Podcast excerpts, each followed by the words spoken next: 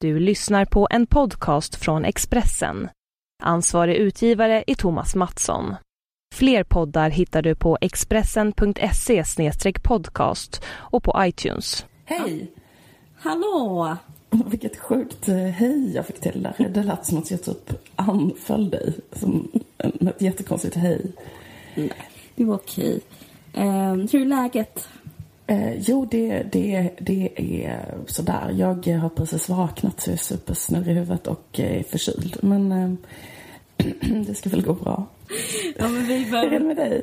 Eh, jo, men det är bra. Eh, det, det är bra. Alltså, grejen långa svaret på hur det är med mig är så otroligt långt. Så att jag Ja. vet inte, kanske bättre att jag bara säger att det är bra. Men det har hänt massa saker som jag tänkte komma tillbaka till när det blir tillfälle. Ja. Eh, Så du bara får, eh, jag kommer bara få som svar ett sånt sammanbitet det är bra och en sån tom stirrande blick. Som jag känner att, Nej, men eh, det känns ju som, eh, jag kan bara säga lite snabbt, att det känns som min graviditet har blivit en sån eh, eh, typ Caroline Ringskog versus the State. Alltså det känns som jag håller på med någon sån, alltså för att förra podden pratade du jättemycket om Södra BB. ja. Eh, och eh, dum som jag var så använde jag inte liksom en sån nyckelroman ord för det, typ eh, nordvästra. NVC. Du vet, så man, ska, man, man skulle kunna hitta på något mer finurligt, men jag tog bara namnet rakt av. Eh, och därför förstod Södra BB att det handlade om dem. För att jag sa Södra BB kanske 18 Ja, gånger. Lyssnar de på podden? Det kunde man ju De ana. älskar podden. Men det kan man ju ana. Om det är ett hipster-BB så är väl liksom så här Ja, det ultimata testet är så här, kanske. Barnmorskorna sitter också och lyssnar på en bajsexing-podd. Men uskorna är väl, det är väl liksom vår målgrupp egentligen. Barnmorskor i på Ja. hipster-barnmorskor. Ja, Ja, det har ju blivit det nu i alla fall eftersom du har så förvandlat den här podden till ett sånt så här gravidprogram.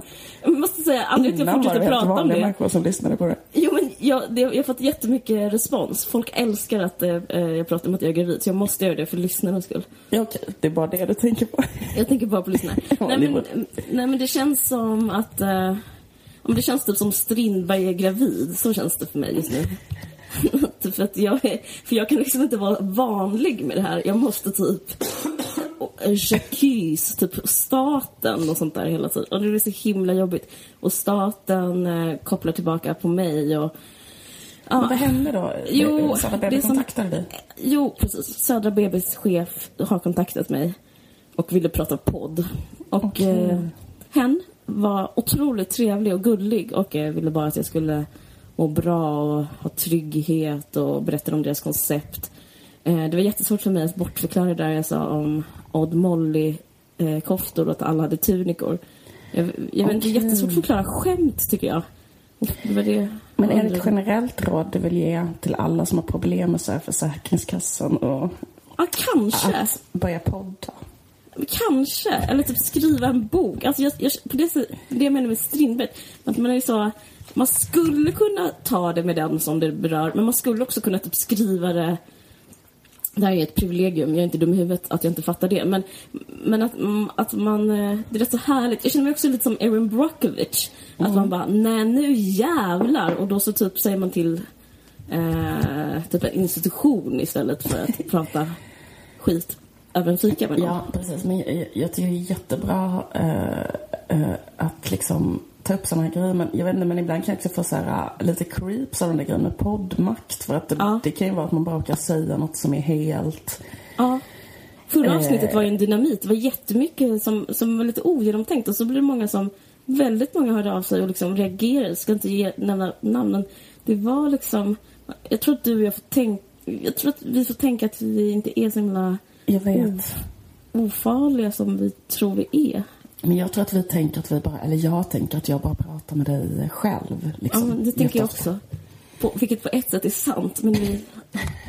Men jag har till exempel fått dåligt samvete på grund av att vi förra lördagen sa, i och för sig då, då, eller förra poddavsnittet, Ja.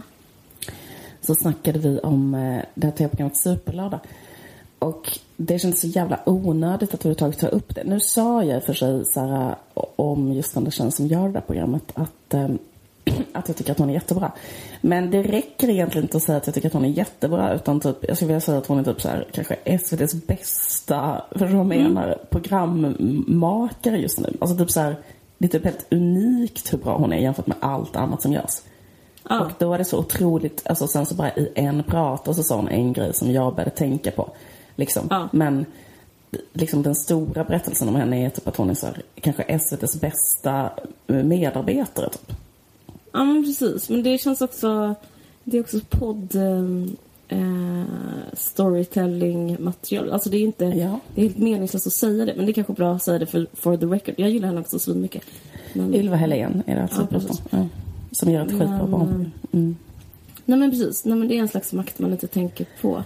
Eh, samtidigt kan jag liksom känna mig lite töntig om jag pratar om min egen makt. Fast det kanske är att skjuta från sig sitt eget privilegium. Jag vet inte. Men ska du gå tillbaka till samma BB nu eller?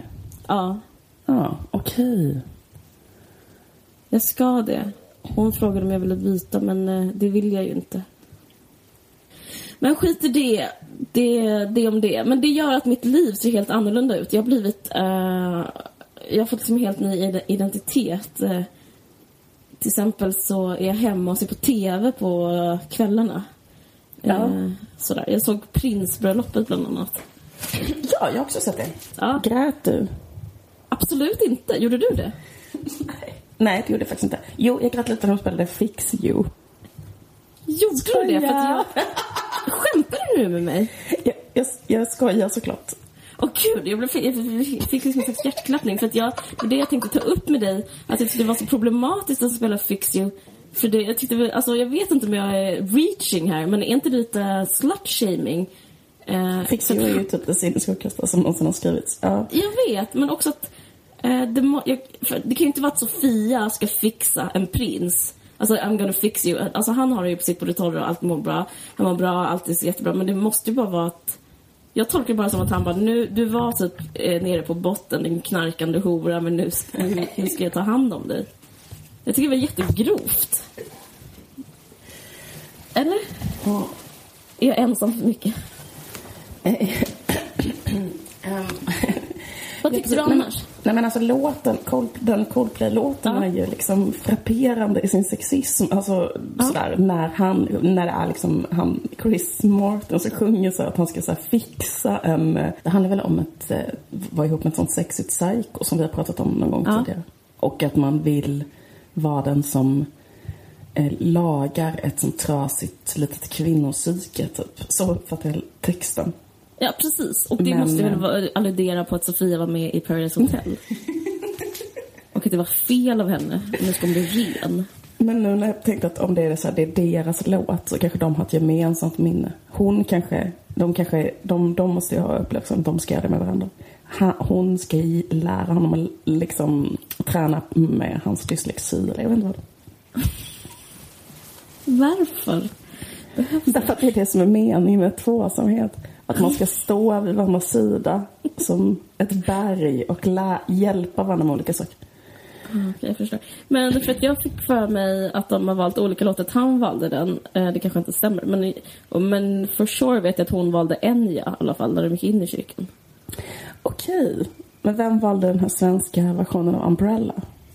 Jag vet inte, men den är ju uh, It's pouring rain, come in uh, Come into me, come into me. Alltså det är ju, det är ju en uh, hård porrlåt. Men det, jag vet inte om de... De kanske inte ens bryr sig om text. Jag vet inte. Det kanske bara är att alla de gillar refrängen. Nej, jag vet inte.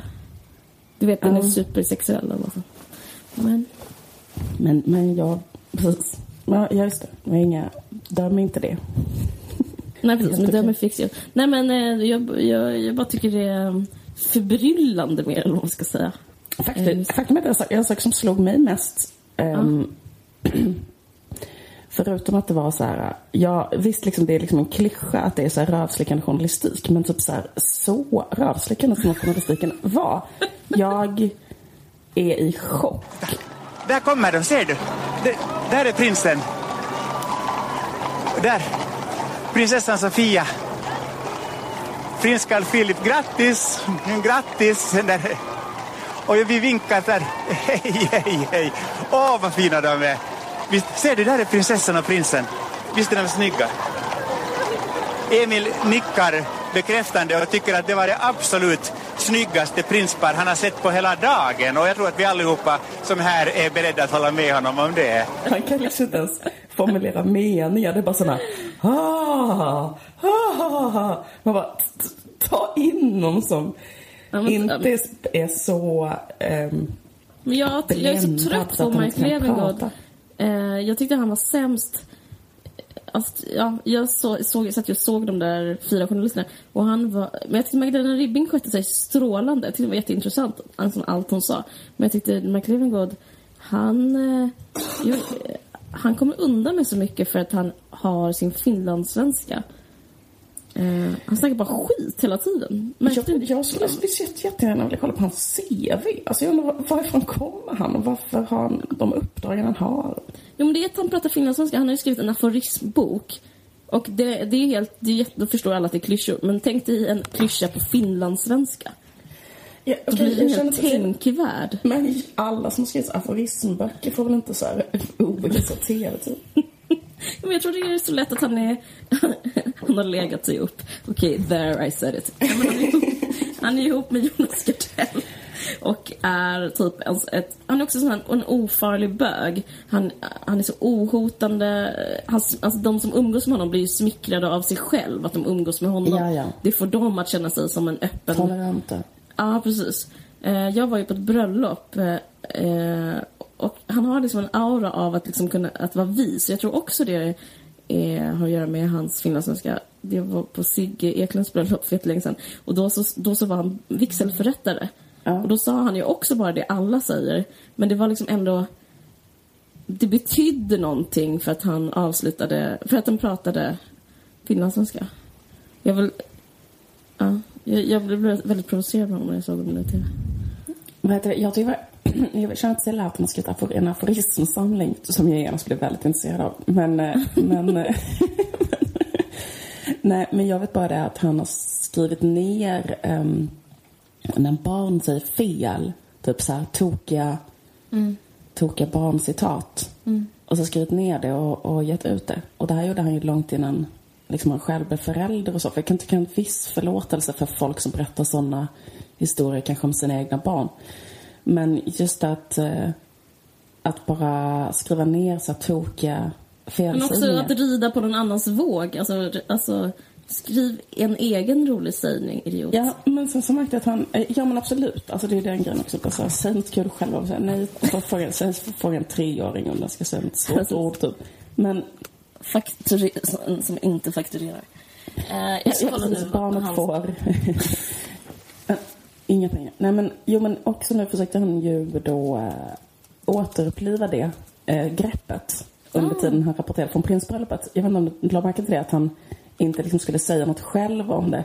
Utan han så här, äh, lyfte upp något random barn där äh, i famnen som skulle kommentera när den här, äh, äh, vad heter det, släden var det inte, men en, en vagn åkte förbi. Okej, Och då så var barnet så här, hade typ bara munnen full av kex och typ sa, vä- vägrade säga någonting. Så det blev väldigt misslyckat som grepp. Men han hade väl tänkt sig att det här barnet skulle så här, tulta fram så här, tokiga stolligheter kring, eh, kring prinsen och prinsessan. Men det gjorde han inte. Barnet var bara tyst hela tiden. Så, så det, det funkar inte den gången. Och det, ja, det här barnet kanske är en sån utsänd representant för barn. Så här, vi ska inte ge mer till Mark Levengood. Att det nu finns en sån tyst överenskommelse bland barn. Precis. Att så här, håll käften. Varje gång han kommer i närheten så kommer alla så kapitalisera på våra tokiga gulligheter. Så det blir bara sån grej att de liksom har så här kommit överens om att knipa honom så fort han kommer in i, i närheten. Eh, skit i det. Eh, Hans, böck, hans barncitatböcker heter Gamla tanter lägger inte ägg. Det är Ja. typ ett, ett kul barn som sagt, som man Ja. även skulle sno till titeln då. Och den andra het, så, så blev det en succé såklart. Då gav han ut Gud som haver barnen kär, har du någon ull? Sjukt!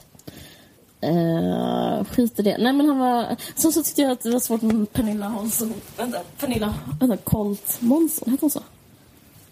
Ja, just det. Eller kanske Månsson Colt. eller- Månsson, Men jag vet Colt. Pernilla Månsson Colt. Om man, är- om man ska göra så här monarkigrejen Mm. så tycker jag man måste... liksom lajva det fullt ut. Alltså jag tyckte det var så himla eh, svårt med hennes frisyr. Såg du den? Nej, alltså grejen att jag såg faktiskt bara själva eh, Aha, okej, jag såg timme jag såg, ut och timme. Okej, nej jag såg bara liksom eh, vigseln i kyrkan och deras såna vagn och färd. Sen så Hon, hon, inte... så hon hade sån cool punktantfrisyr som färgat så rött i olika nyanser.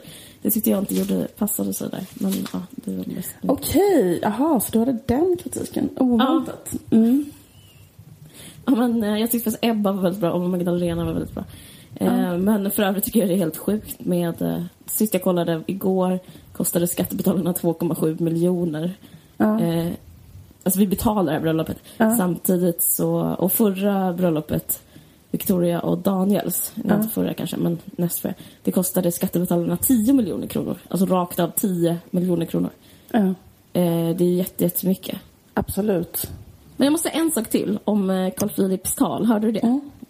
Nej, men jag läste, jag läste det liksom eh, reciterat. Eh, Jag, jag, jag, jag vill jättegärna prata om det talet. Eh, snälla, säg vad du, vad du hade att säga. Ja, men jag lyssnade på hela, Ja, vilket var... Ja, men grät det du? säger jätte... Nej, absolut inte. Jag är helt oberörd. Eh, men jag är Du helt... går på där varje gång jag säger så grät du som ett skämt och du blir så himla arg. Du bara, nej! Var så fruktansvärt. Nej, men grejen är att eh, eh, det var liksom helt outhärdligt. Det, det goes for that saying. Men jag lyssnade ändå. Det, det här säger någonting om att jag har foglossning. För att jag kan liksom inte röra mig eller byta position. Så att om jag typ, om min kille, alltså det är som att han är min vårdare nu. Det är så himla sexigt. Och jag är hans patient. Så att om han sätter på tvn och jag ligger i sängen då är det det, då, och vi har ingen fjärrkontroll, då är det det jag kollar på. Därför såg jag det här, eh, vänta, 20 minuter långa talet, bland annat. Men det tycker jag är intressant med kungafamiljen och ord och språket. För då är det ett tal består ju av ord. Men, eh, men eh, de orden ska ju betyda olika saker, eller liksom meningsbyggnader ska leda fram till liksom, eh, det ska vara, man ska få en förståelse eh, meningar ska sättas ihop för liksom en berättelse eller förståelse eller en poäng. Men, eh, men Carl Philip, eller vem som skrivit det, hade liksom inte alls... Jag tror faktiskt han skrivit det själv. För att liksom, den biten av talet var inte alls med. Så han, använde, han hade bara så himla många ord. Jag minns från eh, minnet eh, en, en sägning som var så här. Eh, man kan väl, Sofia, man kan välja den lätta vägen eh, om man vill, typ. Eller man kan välja den svåra vägen, men det är svårt. Men vi behövde inte välja, för den svåra vägen valde oss. Ja. Men vad är liksom den svåra... Jag vet inte. Men det, det tyckte jag också var konstigt, för var den, svåra väg, var den svåra vägen att de bara skulle vara ihop och gifta sig och bo i ett jättefint hus och... Nej, men jag vet. För att de ska flytta in i prins Bertil och Lilians gamla hus ska de göra nu. Men var en det, sån men var det för, det enorm- första en fråga om lätt och svårt? Det var väl, eller för att det lätta var den svåra... Det, det var, jag skulle inte kalla det jättesvårt att ja, ha svin mycket pengar, bli ihop, dejta, ha ett jättefin våning, ha ett jättefint hus. Jag, alltså, jag, jag fattar inte vad han menar som är det här hindret som gör den här... Eh, om han inte menar att, hon, att han valde en hora som har varit med i Paradise Hotel. Jag hoppas inte det är det han syftar på. Ja, jag vet inte. Precis. Det fanns en svår väg och den vägen var att ehm, bli ihop med typ Sveriges snyggaste tjej och flytta in med henne i typ en jättevacker villa och sen ha obegränsat med pengar och inte behöva jobba hela livet. Det var den svåra vägen. Sen fanns det en annan väg. Men vad var det för väg? Det var den Ja, men det. Men ännu fan kan lättare det väg. Eller menar han att det liksom alltid är jobbigt för en kille att ha en tjej? Alltså, no Jag vet what. inte. Typ att, så här, Jag vet att ha inte. en boy, att ändå ha så här, rege, en regering. Regeringen, ja. Att han Eh, hade kunnat välja ett sånt liv att han bara gjorde en slags playboy mansion där han bara låg i en sån badring och käkade eh, liksom Prozac. Ah, typ. att, att nu har hon satt koppel på honom och det typ är ändå Ja, det är den jobbigt. svåra vägen att säga nej nu till alla tjejer. Han, fast det tror inte jag. För att Jag tror inte heller det. Jag tror faktiskt den svåra vägen, alltså alltså helt allvarligt nu, är att hon var med i Paradise Hotel. Men vad- det finns inget annat som... eh, Men det, han kanske pratar om något privat deras historia, det vet man ju inte. Det Men vem var- fan var emot det? Vem fan var emot... eh, Alltså... eh, Ja, men du vet, hon kanske var ihop med en kille. Oh, vad fan vet jag? Ja. Fast det ju inte heller vara en svår väg för honom ju. Men... Nej.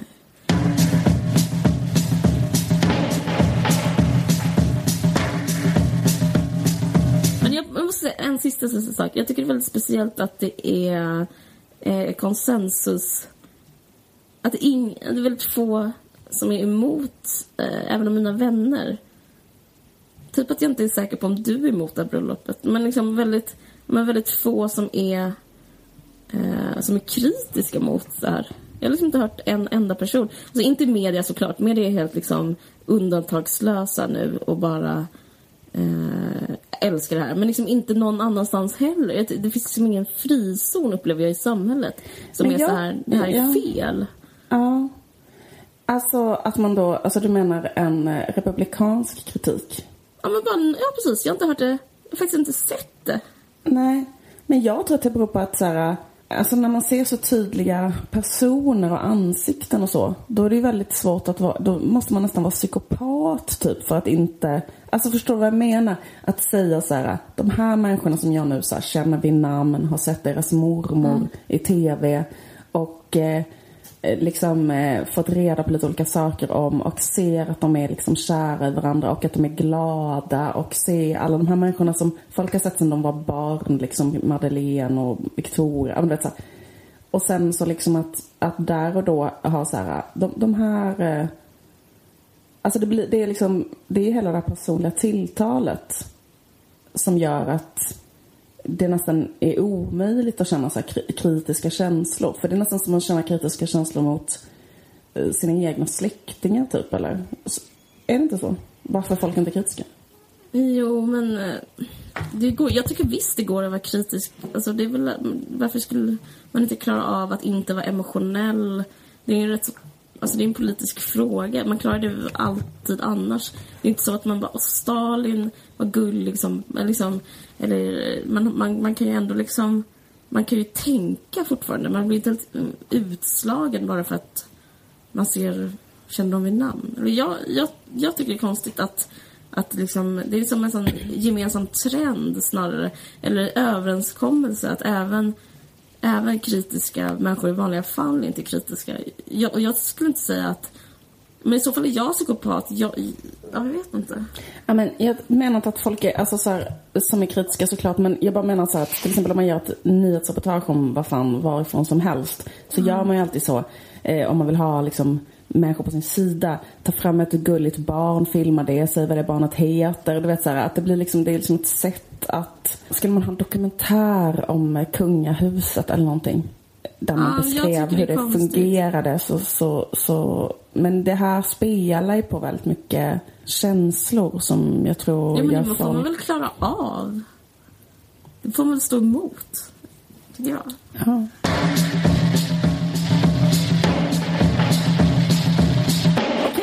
Fortsätter vi och det är en dag senare, eller två dagar senare. Ja, det är två dagar senare. Ehm, jag måste säga det att jag är, jag är sjukskriven men jag kommer inte fakturera för det här så att alla kan ta det lugnt. Alla golare där ute. Ja, just det. När du, eh, du är sjukskriven nu 100% för din, eh, för din eh, foglossning. Precis. Så, jag kom, så det här liksom, jag gör det här för rena skära nöjets skull. Ja, jag Det kan jag väl förstår. få göra. Ja, absolut. Jag kommer fakturera, men... eh, men eh, jag, jag, jag kommer inte ha lika kul. Jag, precis, jag kommer ha lite så högre krav på mig själv. Du kan bara laja nu sista och bara sitta och typ, Ja, precis.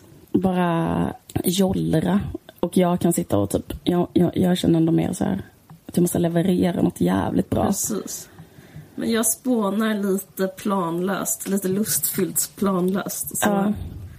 så kan du lära mig lite grejer. Nej men... eh, Men, eh, Men en riktig anledning kan vi berätta till att vi spelar in eh, andra halvan nu, Ja. två dagar senare, är för att vi hade igen problem med tekniken. Ja, Det är problemet när man lyssnar på en tjejpodd. ja. Det jag snackade som... med en kollega på Expressen, Erik Skylt. Mm. Han brukar gå in i sin garderob och sitta med massa kläder på sig. Berätta inte mer, för jag tycker det känns obehagligt.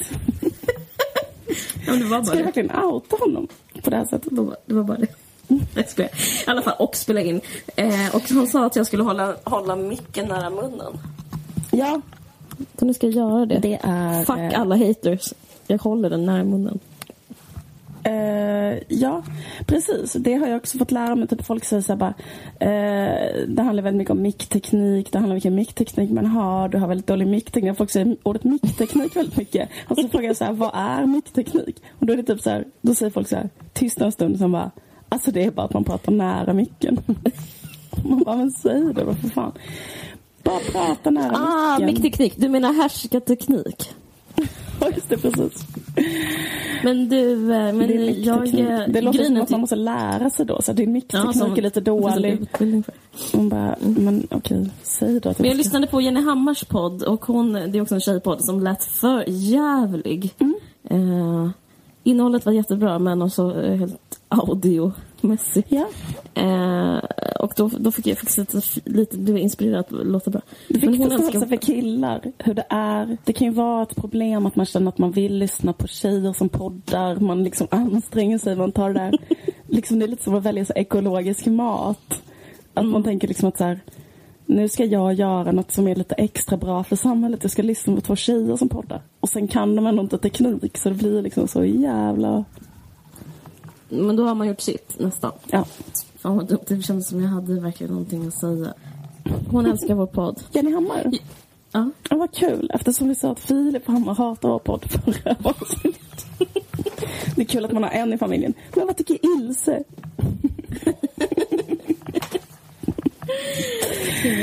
Men du... Gud eh, vad sjukt att vi berätta- prinsessa Madeleine har fått ett barn. Alltså hon måste ju ha fött på natten. I fjärde månaden. Ja, men det känns som om hon aldrig var gravid.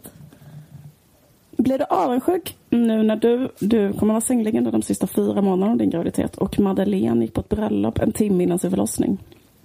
Ja, det gör mig faktiskt förbannad. Det är det kungliga privilegiet Mm. att slippa foglossning. Eh, Det finns säkert en behandling som bara kunglig heter på det. Jag vet inte. Men ska vi berätta hur det är att vara egen... Förlåt, det här, är- det här är inte Ring P1. Jag måste bara snabbt säga hur det är att vara egen företagare och vara sjukskriven. För jag jobbar i medievärlden och medievärlden har aldrig kollektivavtal som de sluter med sina eh, personer de anställer. Jo, SVT och SR har det, men inte, inte public service. Och då, nej, och, men inte produktionsbolag menar jag. Och jag jobbar på ett produktionsbolag som heter Mexiko. Och då blir det, och det är ungefär samma sak som hur taxichaufförer har det. Eh, att man bara, man är liksom frilansande körare, fast i mitt fall är jag producent. Så att om jag blir sjukskriven så får inte jag några pengar av Försäkringskassan som man får om man har kollektivavtal. Jag får helt enkelt inga pengar alls de två första veckorna. Så jag får inte ta betalt för den här podden till exempel, men jag får heller inga pengar. Va? Ja. Men efter två veckor får du pengar då? Efter två veckor får jag pengar som jag eh, betalar för mig, till mig själv. Liksom. Men det är hälften av vad jag skulle fått baserat på den eh, lön jag, eh, lön jag har. Om jag hade haft kollektivavtal med de som anställer mig, då hade jag fått mycket högre. Men nu får jag bara någon slags basbelopp. Och eh, det är därför eh, man inte kan vara sjuk, man kan inte vabba, man kan inte göra någonting om man är som jag är. Eller om man är Ja. taxichaufför. Deppigt va? Mm, fruktansvärt. Det är jätteviktigt med kollektivavtal. Det är faktiskt det. Och jag, jag skulle kunna gärna... Gud, jag skulle kunna bli sponsrad av någon. Men jag, jag, jag tycker verkligen det är viktigt. Ja, det är klart det är eh, viktigt. Det är så jävla typ, Ja. sinnessjukt. Men nu pågår det ju massa kampanjer mot kollektivavtal. Ja. Från arbetsgivarföreningar och sånt där. De hatar ju det. Men det, men det är intressant för jag har liksom aldrig varit liksom i Försäkringskassans... Eh, jag, jag, känner, jag känner inte till det faktiskt. Det var liksom, det, jag märkte det när jag läste det. Och sen så lyssnade jag på den här dokumentären om eh, hur taxichaufförerna har efter avregleringarna eh, när de är liksom egna företag. Och då, då var det väldigt mycket som, som påminner om hur det är att vara frilans i produktionsbolagsvärlden. Det här med Det- att det- man måste sitta och kallprata om olika kändisar som man försöker skämta nu här. Desperat. Det var kul. Ja, det är att man skulle måste kallprata timme ut och Jag in hade och så får inget jävla... Nej, men jag har ju väldigt mycket erfarenhet av taxibranschen för jag var ju ihop med en taxichaufför i väldigt många år. Humble brag. Och han, men det är väldigt speciellt. Jag ska säga en sak som är värre med att vara taxichaufför eh, än att jobba i ett produktionsbolag. Kan du tro att det finns saker som är värre? Nej, men eh, han jobbade ju... Eh, alltså det som är grejen med att vara taxichaufför är att man kan jobba i kanske ett, en hel natt och en hel dag och flera dagar utan att få någonting betalt alls. Eh, för de jobbar... men- jobbar ju på provision. Så att då kan man vara ute och köra en hel natt till exempel. Och kanske Mm. tjäna noll kronor. Alltså bara köra omkring randomly och vara Kalla mig on tjej, men jag förstår inte den här matematiken alls. Alltså, Alltså, känner man... E- Nej, de Håller jobbar, jättemånga taxichaufförer jobbar bara på provision. Alltså de jobbar bara om de får en körning. Så att du kan typ så här, köra Du menar att eh, man kan köra ett dygn utan få en körning? Ja, man kan ju köra, ett- eh, eh, liksom, man kan ha då att så här, det här är min natt. För Mm. att man måste ändå liksom finnas available för taxibolagets nummer. Ja. Så att det är inte att man kan liksom vara hemma och sova tills någon ringer. Utan man måste ju vara ute och köra i bilen så att man kan köra snabbt dit Mm. man behöver komma. Så man är ute och cirkulerar och man får inte en enda körning. Så att många taxichaufförer tjänar ju så lite så att det är liksom helt sinnessjukt. Mm, och sen i vissa städer så det finns ju ingen, ja men det är som, som sagt avreglerat så det är så fri konkurrens vilket gör att de eh, har det så in i helvete dåligt. Och måste jobba så Ja. jävla mycket. Men, ehm, men det som var bra Ja. med att vara ihop med en taxichaufför var att man kan få skjuts var som helst. Ja. Det är ju helt underbart. Varför gjorde du slut? Ja. Men eh, så det är roligt att man har lägre och lägre krav för ett bra förhållande. Ja. Det, det är liksom deras en, de får ingen lön, ingen sjukersättning. Fast de kan skjutsa sin tjej vart som helst. Så det är ändå mysigt. När som helst på dygnet. Hon behöver bli körd någonstans. Um, nej men skit det. Men det är ingen Jag- som vill jobba som taxichaufför för det är så jävla pissigt yrke. Och det är därför, alltså det är, inget, det är därför liksom, det är ingen slump att det är bara invandrare för att det är, som är det eh, som är taxichaufförer för att det är liksom, de får inga jobb för att vi lever i ett rasistiskt samhälle. Förutom igår åkte jag med en taxichaufför som inte var invandrare och det tycker jag är det läskigaste som finns. Alltså hur hamnar en vit person som taxichaffis? Det här är så himla kul Eh. att jag var med exakt om samma upplevelse för två dagar sedan. Men berätta färdigt så ska jag berätta om Ja, jag ska göra det. men jag var livrädd och, det var mycket, och mycket riktigt hade jag skäl till det här. Han började, liksom, han började prata med mig för mycket. En sak är okej, det stör inte någon som vill kallprata. Och sen så vände han sig om och så bara skakade han och så sa han eh, vi ska till Hornsgatan i Stockholm. Det är ett horn. Det är ett horn. jo. Och så sa han att förr i tiden var det ett, kallades det slutade Stockholm där och egentligen är Hornstull utanför tullarna. Ja, massa sånt där. Alltså det Alltså, sista du sa tycker jag låter helt norm- inom ramen Jo, det var normalt. Men han skakade och sa det är Jag ett tycker horn, med det är ett den tidigare passagen där att stirra på dig och skrika det är ett horn. Det är det jag tycker känns mer Ja, ovanligt. men jag behandlade honom som man gör med psykiskt sjuka. Då sa jag, jaha, är det? Jaha. Och så bara tänkte jag, hoppas typ allt, eh, hoppas jag kommer välbehållen när jag, typ, jag gör det här är liksom, förlåt, jag bad om ursäkt till mitt ofödda barn. Typ. Alltså det var verkligen läskig stämning. Eh, svensk taxichaufför. Otroligt Men obehagligt. ähm, vad heter det, nu så bara för att jag eh, har haft den här kontakten i taxibranschen så vet jag till exempel att det är ganska vanligt krav. Alltså nu känner jag mest till Malmös taxi. Och Det finns också nästan inga svenska taxichaufförer. Men då kan det finnas, då, då finns det vissa människor som säger så här, om de har en svensk taxichaufför Alltså att de vill ha, alltså att de beställer en taxi med en svensk taxichaufför. Jag känner också en tjej som har jobbat på en sån där, eller som jobbar på en sån där, äh, där man, alltså i äh, växeln på taxi. Ja, där man liksom, ja. Och då är det så här människor som kommer då från Vellinge. Vellinge är ju det, den här kommunen utanför Malmö som är känd för att de inte har tagit emot ett enda, alltså en enda flykting. Och det är Sveriges rikaste kommun, de är moderater, de har så jävla hög inkomst så de kan typ inte tänka sig att ha så här typ fem ensamkommande flyktingbarn där. Eh, eller de, det var en sån skandal för ett, ett, ett Ja. antal år sedan, nog om det. Men det var, det var så här, människor som ringer från Vellinge och säger så här, jag vill ha en taxi till Vellinge men jag vill bara ha en svensk taxichaufför. Och sen är det typ att de, om de får en svensk taxichaufför, för att de vågar inte åka, eller de vill inte åka taxi med en invandrare. Och då, eh, Då vill jag att alla på, som lyssnar på det här, alltså det är ju det är ju en eh, trygghetsmarkör om det är en invandrare. Gud. Annars är det ju en, någon från psyke typ. Nej, någon- men jag, jag, jag, ehm, jag, eh, jag vänder mig mot din eh, fascistiska människosyn här. Att du inte kan låta en människa som har hamnat lite på sniskan få en andra chans att börja jobba med någonting.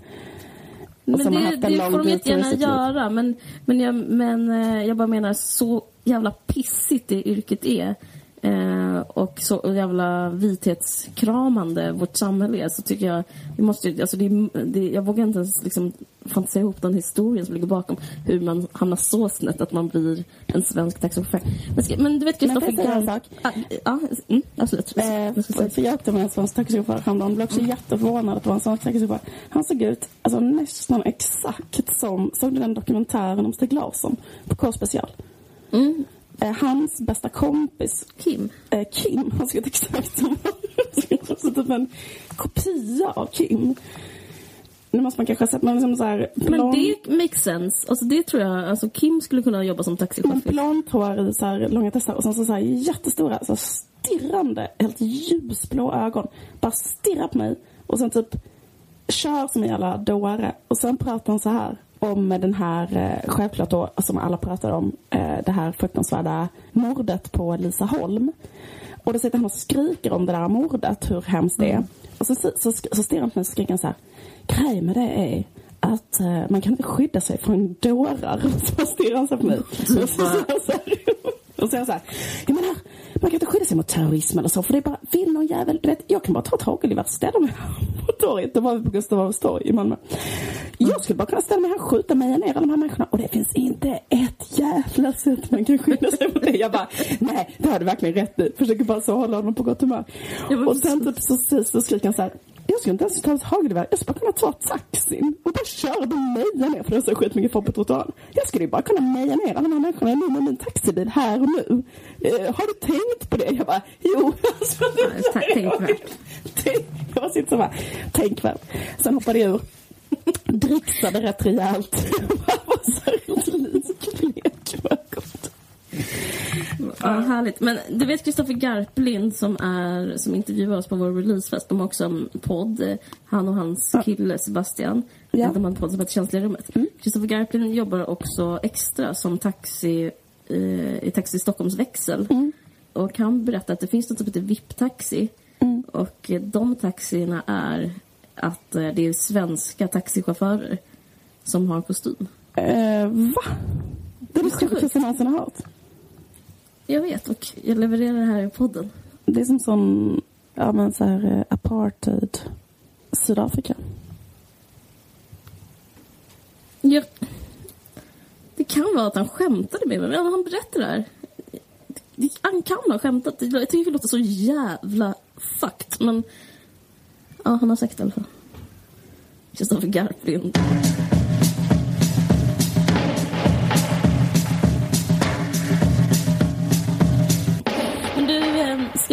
Vidare och inte... Jag vet inte varför vi pratar om eh, taxichaufförer överhuvudtaget.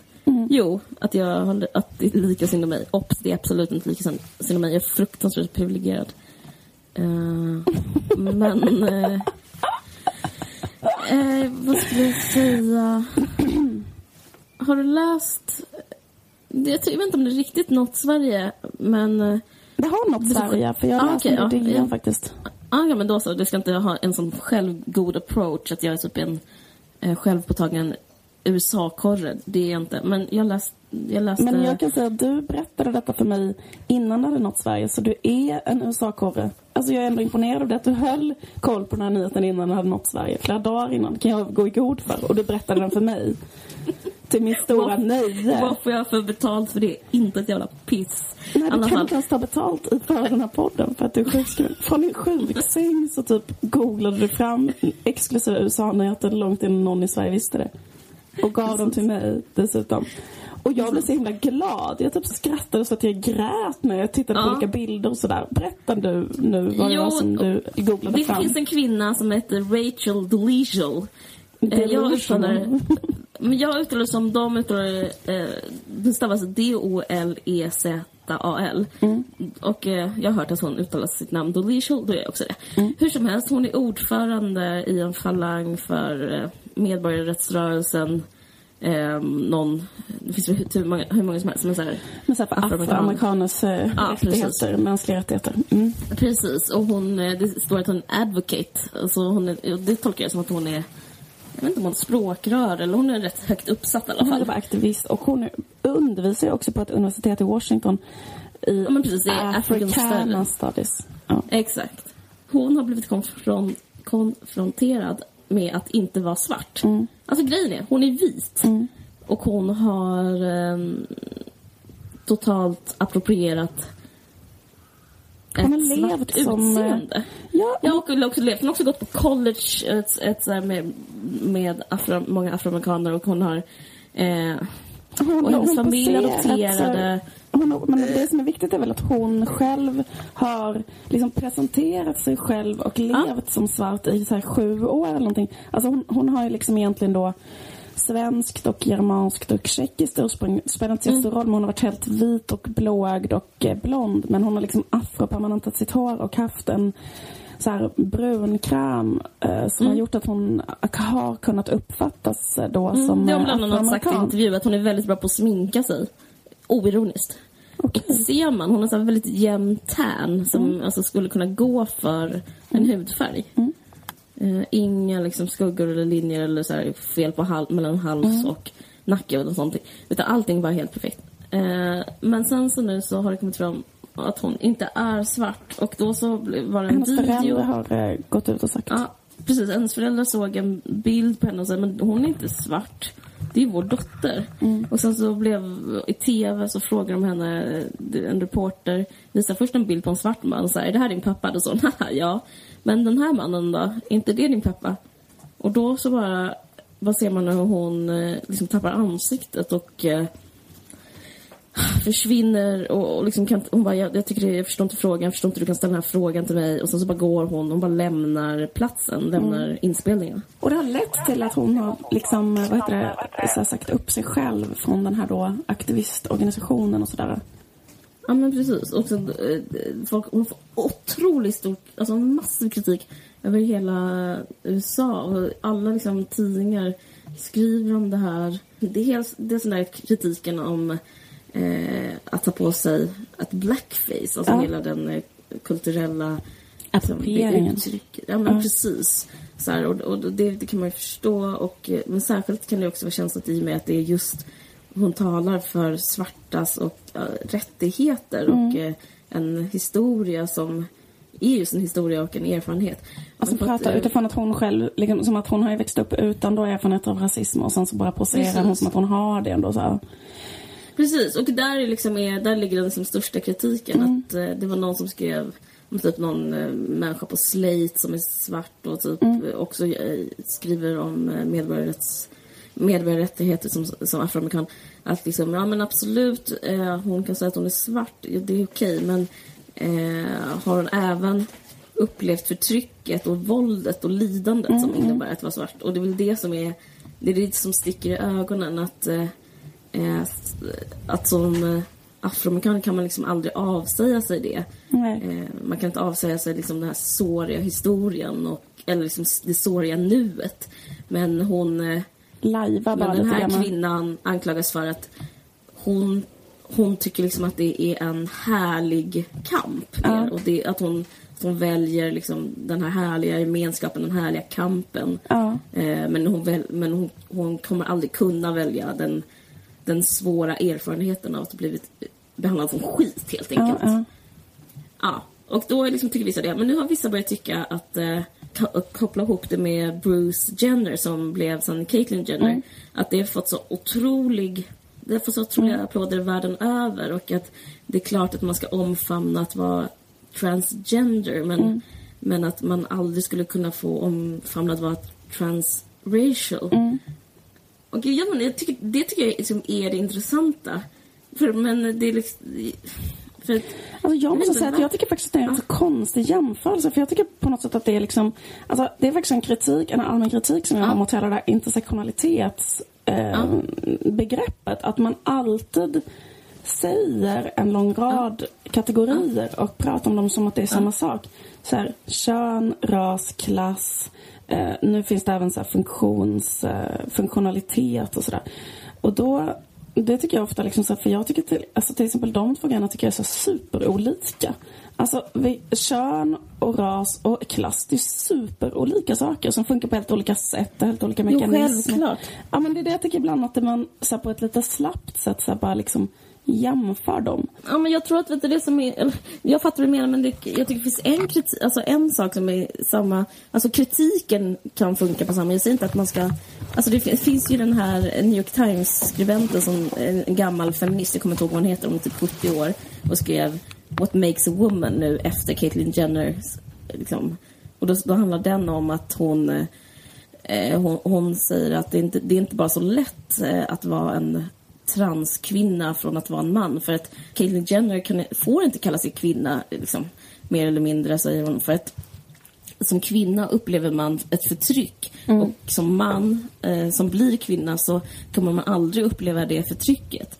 Och på det sättet, det är, det är exakt samma kritik som det ligger någonting i. Men om man då ska ta ett steg längre. Ja, okej, hon har inte upplevt eh, det. Caitlyn Jenner har inte upplevt förtrycket. Betyder det att hon är förpassad till att känna sig inlåst i sin egen kropp? Jag vet inte. Det är också lite... Det, det, det skulle inte jag säga. Det blir liksom konstigt åt andra hållet. Alltså, jag lutar mer åt att jag tycker det känns, skulle kännas soft om man bara kunde... Det är fler som för en kamp är väl härligare. Fast jag, vet, jag, å andra sidan, vem fan är jag att uttala mig om det? Men... Ja, jag vet inte. Jag tycker så att typ, en grej som jag tänkte på med hela den här historien, det är bara så här, what's up med den människans föräldrar? Alltså typ så här...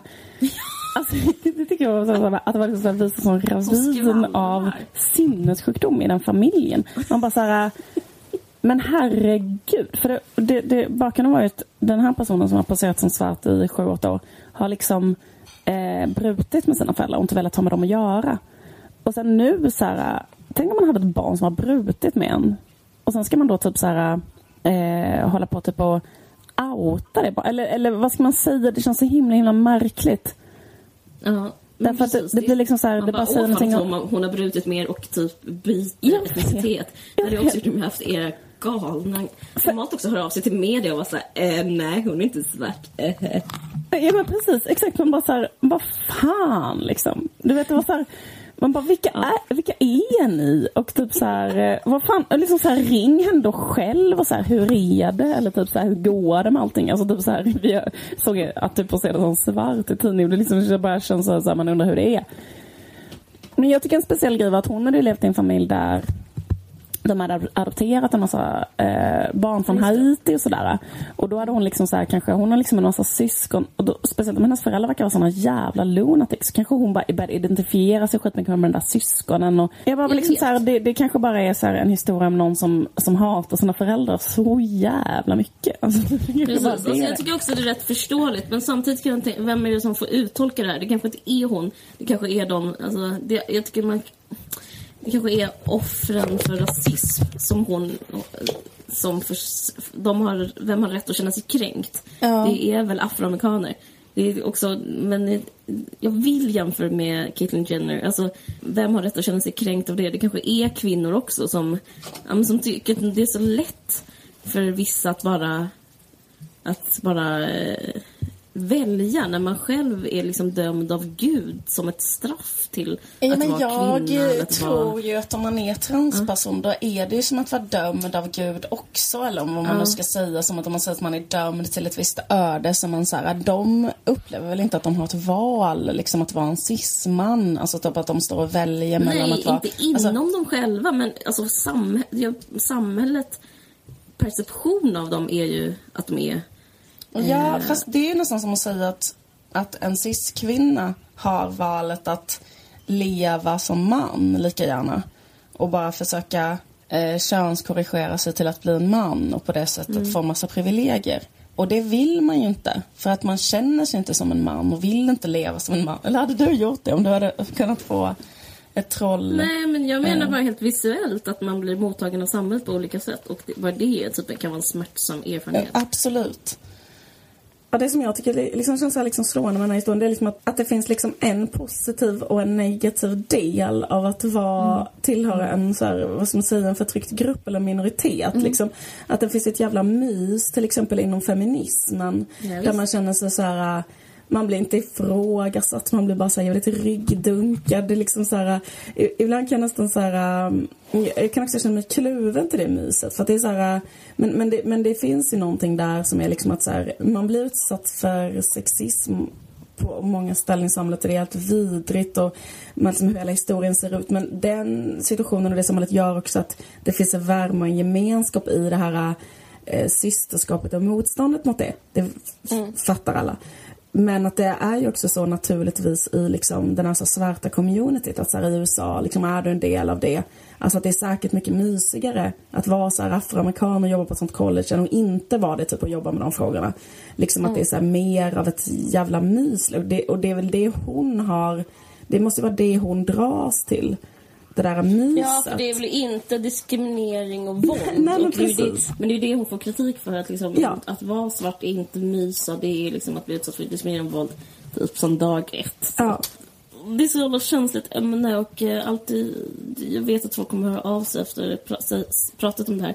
Men jag tycker Mm. det finns något intressant med just den här grejen att vara, ja, som påminner om det. Liksom, som att det är, det är, eh, man är mer utsatt för våld och diskriminering och förtryck som kvinna. Och det, det är väl inte fel att den diskussionen finns när man omfamnar ett transinkluderande sätt att se på världen. Men ja, det är ändå känsligt för det blir liksom... För det är, en, det är två förtryckta grupper där. Här är det liksom mer, mer en annan maktfördelning. Det är inte horisontellt. Liksom, här är det en vit person med tydliga maktprivilegier som liksom slummar ner sig lite. Och det, det är liksom mer tydligt nasty. Men eh, Ja, fast jag vet inte riktigt. För jag kan känna så här... äh, Det är ju liksom... Det är på något sätt hela tiden den där, äh, den där vågskålen liksom mellan... Eh, alltså typ att så här, man vill inte att etnicitet eller hudfärg ska betyda någonting. Det är ens mål. Det är samma grej med kön. Man vill inte att det ska betyda någonting. Alltså man vill inte att det ska så spela... Eller att det kan spela lika stor roll som att någon liksom har stora eller små fötter eller fattar du? Eller liksom eh, något ännu mindre, men något som är bara så här, något särskiljande som inte så ska säga någonting speciellt om vem du är eller vad, vad du kan eller så på det sättet så är det också så här eh, det blir liksom jag vet, men det, min det är poäng är att alltså det, förtryck, den offret får säga det. Offret får ta det. Alltså, det kan inte vara Rachel Del- Delicial som tar det och säger nej, det ska inte betyda något. Det måste ju vara de som känner sig förtryckta som får avgöra om Ja om precis, samtidigt så kan jag känna att det kan bli liksom så här, att det kan bli liksom nä- nästan så för mycket så essentialism bakom det. För att jag menar, Ja. ifall hon, jag menar det viktiga egentligen är ju inte faktiskt, alltså jag menar om hon har varit till exempel eh, undervisat i Africana studies liksom, då Mm. kanske det handlar mer om så här, hur var hon som lärare, alltså på riktigt är det väl mer så. Alltså Ja, så, för att, så här, för att de eleverna har de fått en vettig utbildning. Eller så här, sen är det ju någonting med alltihopa som är jävligt märkligt för att det är en lögn. Alltså att det är alltid konstigt att typ säga att någonting är på ett visst sätt. Som den, alltså så här, Fast det, är- det är också bara en skala. Folk, säger, folk uppfinner sig själv. Det är väl också typ en amerikansk idé, alltså en amerikansk dröm. Man uppfinner sig själv och sen så kan man vara vem som helst och vad som helst. Typ. Eh, jag tycker inte det gör så mycket att hon ljugit. Jag tror, men... Jag tycker också att så här, jag kan bli lite så här, trött på den här grejen att så här, offren får bestämma. Liksom, Vem är ett offer för vad och varför? Och det är bara en personlig känsla som finns inne i kroppen hos en person. Och den kan ju se helt olika ut utifrån jag menar en kanske tycker någonting, en annan tycker någonting, en annan tycker någonting. Så här, och alltid när man säger den där meningen så här, offret ska få bestämma. Så är det att säga nästan ingenting. För att så här, Ja, men jag, vet inte, jag blev ändå berörd av den texten som jag läste som handlade om att vara svart, att det handlar om våld och diskriminering. Vad fan? Eh, han heter William Saliten, alla så konstiga namn. Eh, och skriver på Slate som handlar liksom om att det, det, det, det är en erfarenhet som, ja men som är gud, svår ja, att alltså, teoretiseras bort. ja, ja liksom. gud, alltså det håller jag med om. Men Eh, jag, men jag håller, men du får inte missförstå mig. Jag inledde ju med att säga att jag tycker det, det är softare om, om hon bara... Liksom, varför kan inte hon, på samma sätt som Caitlyn Jenner får vara Caitlyn Jenner, varför kan inte hon bara få vara svart? Kan man inte få liksom acceptera transracial på samma sätt? Liksom?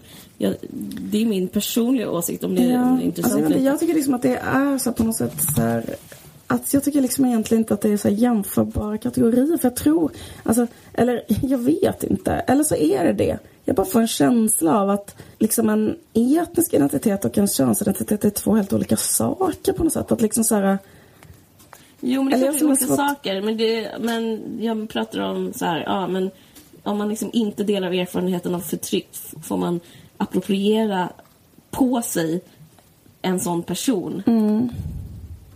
Men det är kul också med, alltså det är också en härlig historia. Det är också kul Ja. med en knäppis som går så långt. ja, visst. Att det är liksom, det, det är det som också är lite så här amerikanskt med att man liksom bara, bara hittar på någonting och så bara kör och så lyckas det. Alltså det är väldigt så här härlig dramaturgi i alltihopa. Eh, men sen så kommer de där jävla föräldrarna och förstör. Och sen att hon hade också så sökt in till någon slags konstskola och gjort så supertypisk så traditionell afrikansk konst. Så att de hade typ tagit in henne och då har de varit så här, blivit jätteförvånade att hon har varit vit för att hon har gjort så här African crafts work och sånt när hon var liten. Alltså hon, Det var intressant. Ja. Superintressant. Men, men, men, liksom, men det som är konstigt, eller förstår du vad jag menar? För det som är konstigt med det är ju typ så här, eller det är ju någonting med det där med vad är etnicitet då? Alltså fattar du vad jag menar? För om man börjar säga, för hon har sagt så här, sen jag var fem så har jag känt mig som att jag var svart.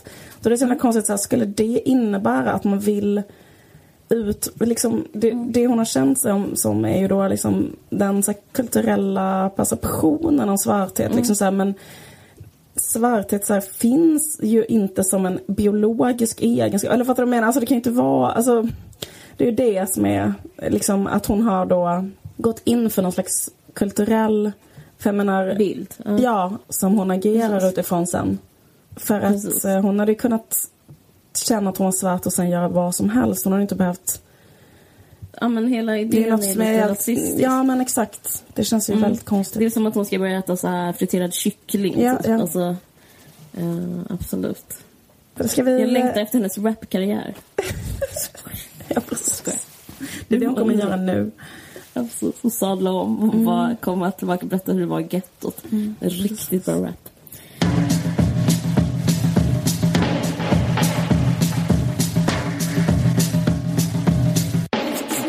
Sak om, om eh, jag undrar om du känner igen dig i som jag tänkte på var med jag var sjukskriven. Eh, att man känner sig helt värdelös. Jag känner mig som en jätte... Jag känner mig som ett avskum. Och så känner om jag inte presterar någonting, känner, för ett enorma värdelöshetskänslor. Det är första gången i mitt liv jag inte presterar någonting. Jag bara ligger här och väntar. Och, och liksom by the minute så känner jag att jag inte... Att jag är piss. Ja. Jag, är, jag är piss är mer värt än vad jag är. Gud, det, tycker- det betyder att du har en sån självuppfattning där du bara värderar dig själv efter prestation. Ja, precis. Då måste du börja hålla på med såna här... äh, Men jag blir så inspirerad av, av min egen, av min egen liksom, eh, mitt eget självförakt och min liksom, mina sorg- att jag tycker att jag är så dålig, Mm. mitt självhat. Att, eh, för nu väntar jag ju barn och jag, jag, har, jag funderar på att, att jag aldrig kanske ska säga till mitt barn att eh, det, det är duktigt. För att då, hamnar, då kan man inte bli sjukskriven för då liksom känner man att man Ja, eh, på kuppen borde ta sitt liv. Typ. Ja. Jag känner att jag inte är vattenvärd. Alltså det är faktiskt väldigt jobbigt att ligga och tänka på att de inte saknar en på jobbet och om de inte gör det så kan jag lika bra liksom, vem fan, ja. Ja, precis. Ja, men precis den här grejen att man inte har något värde om man inte utför någonting. Det där är jättefarligt. Du måste tänka. Men just det där med duktig. Det finns ju en allmän trend att man inte ska säga duktig till barn. Till exempel så. på mitt kommunala dagis där mina barn går. Där är det ju så här. En, där, får de, där säger inte personalen duktig till barnen. Just på grund av detta. Men jag eh, Du säger det råkar hela tiden säga duktig. Men förstår du? För det är så otroligt svårt att inte säga duktig. Ja, kan jag tänka mig. Ja, men det är liksom typ det första man tänker bara så här, vad du var duktig när du... Man vill säga något positivt. Men då, ska man, då, är, då är grejen så att man ska säga så här, titta, nu har du på dig dina skor och det betyder att du kan gå ut utan att bli blöt om fötterna. Alltså man ska säga det som är det, alltså inte så här att duktig är egenvärde utan egenvärdet är vad det leder till. Alltså typ så här, Okej, det- okej, avancerat. nu åt du upp all din mat. Då kommer du vara mätt och inte bli hungrig i natt och vilja gå upp och äta en macka. Vad skönt. Då kan du sova hela natten istället. Alltså typ sådana där grejer. Men jag tycker också det låter så jävla artificiellt. Det enda man vill skrika är så här. Du är så duktig. High five. Ja, men jag vill aldrig säga till mitt barn att det är duktigt. Ja. Lycka det, kommer till. tro, det kommer få tro att det liksom är helt... eh, att det är... eh, jag vet inte, men jag vill att det ska vara sån stämning att det är värt att finnas till bara av att existera. Typ. Det skulle vara härligt. Jag tror att jag får ta extremt mycket att jag är duktig. Men det har ju lett till mycket också. Se på dig där du är idag. Annars kanske du hade bara liksom um, legat och vegeterat just nu och inte gjort någonting. Bara känt att legat ner och dugit. Precis. Ja, har alla som håller på, alla som är ambitiösa, håller de, har alla den här grejen att de känner att de blir älskade om de gör någonting?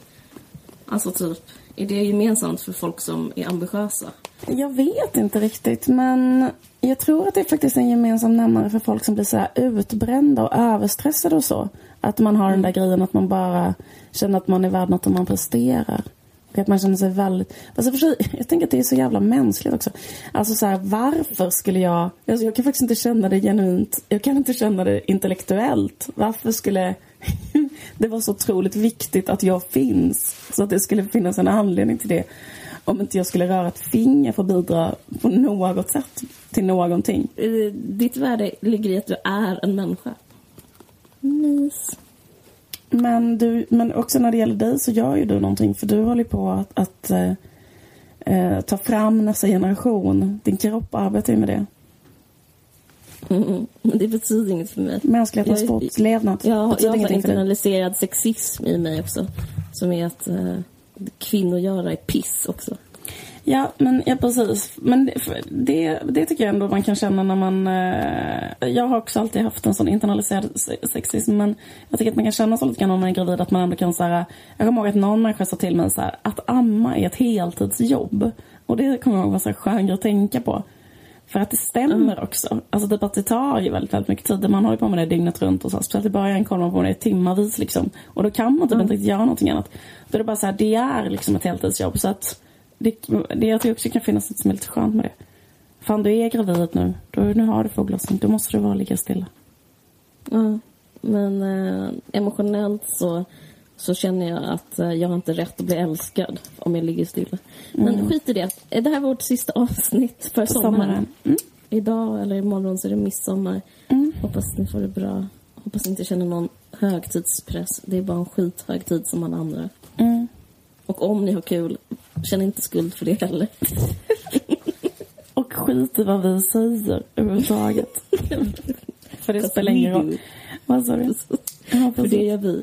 Men, men eh, något jag skulle säga var, jo, eh, om det är ett företag som vill sponsra oss och som tror de passar ihop med oss så hör gärna av er. Ni kan faktiskt mejla mig på caroline.ringskog.gmail.com för vi söker samarbetspartner. Okej, ehm, trevlig sommar. Tack för att ni lyssnar. Den här podden görs i samarbete med Expressen Kultur. Jag heter Liv Strömqvist och du heter Caroline Ringskog. Ferrada Norli. Och musiken i början gjordes av Gjord av Carl-Johan Lundgren. Som numera har ett band som heter Laser och Bas. Vi hörs efter sommaren. Puss och kram. Puss och kram. Vad underbart att ni lyssnar. Okej, hej då.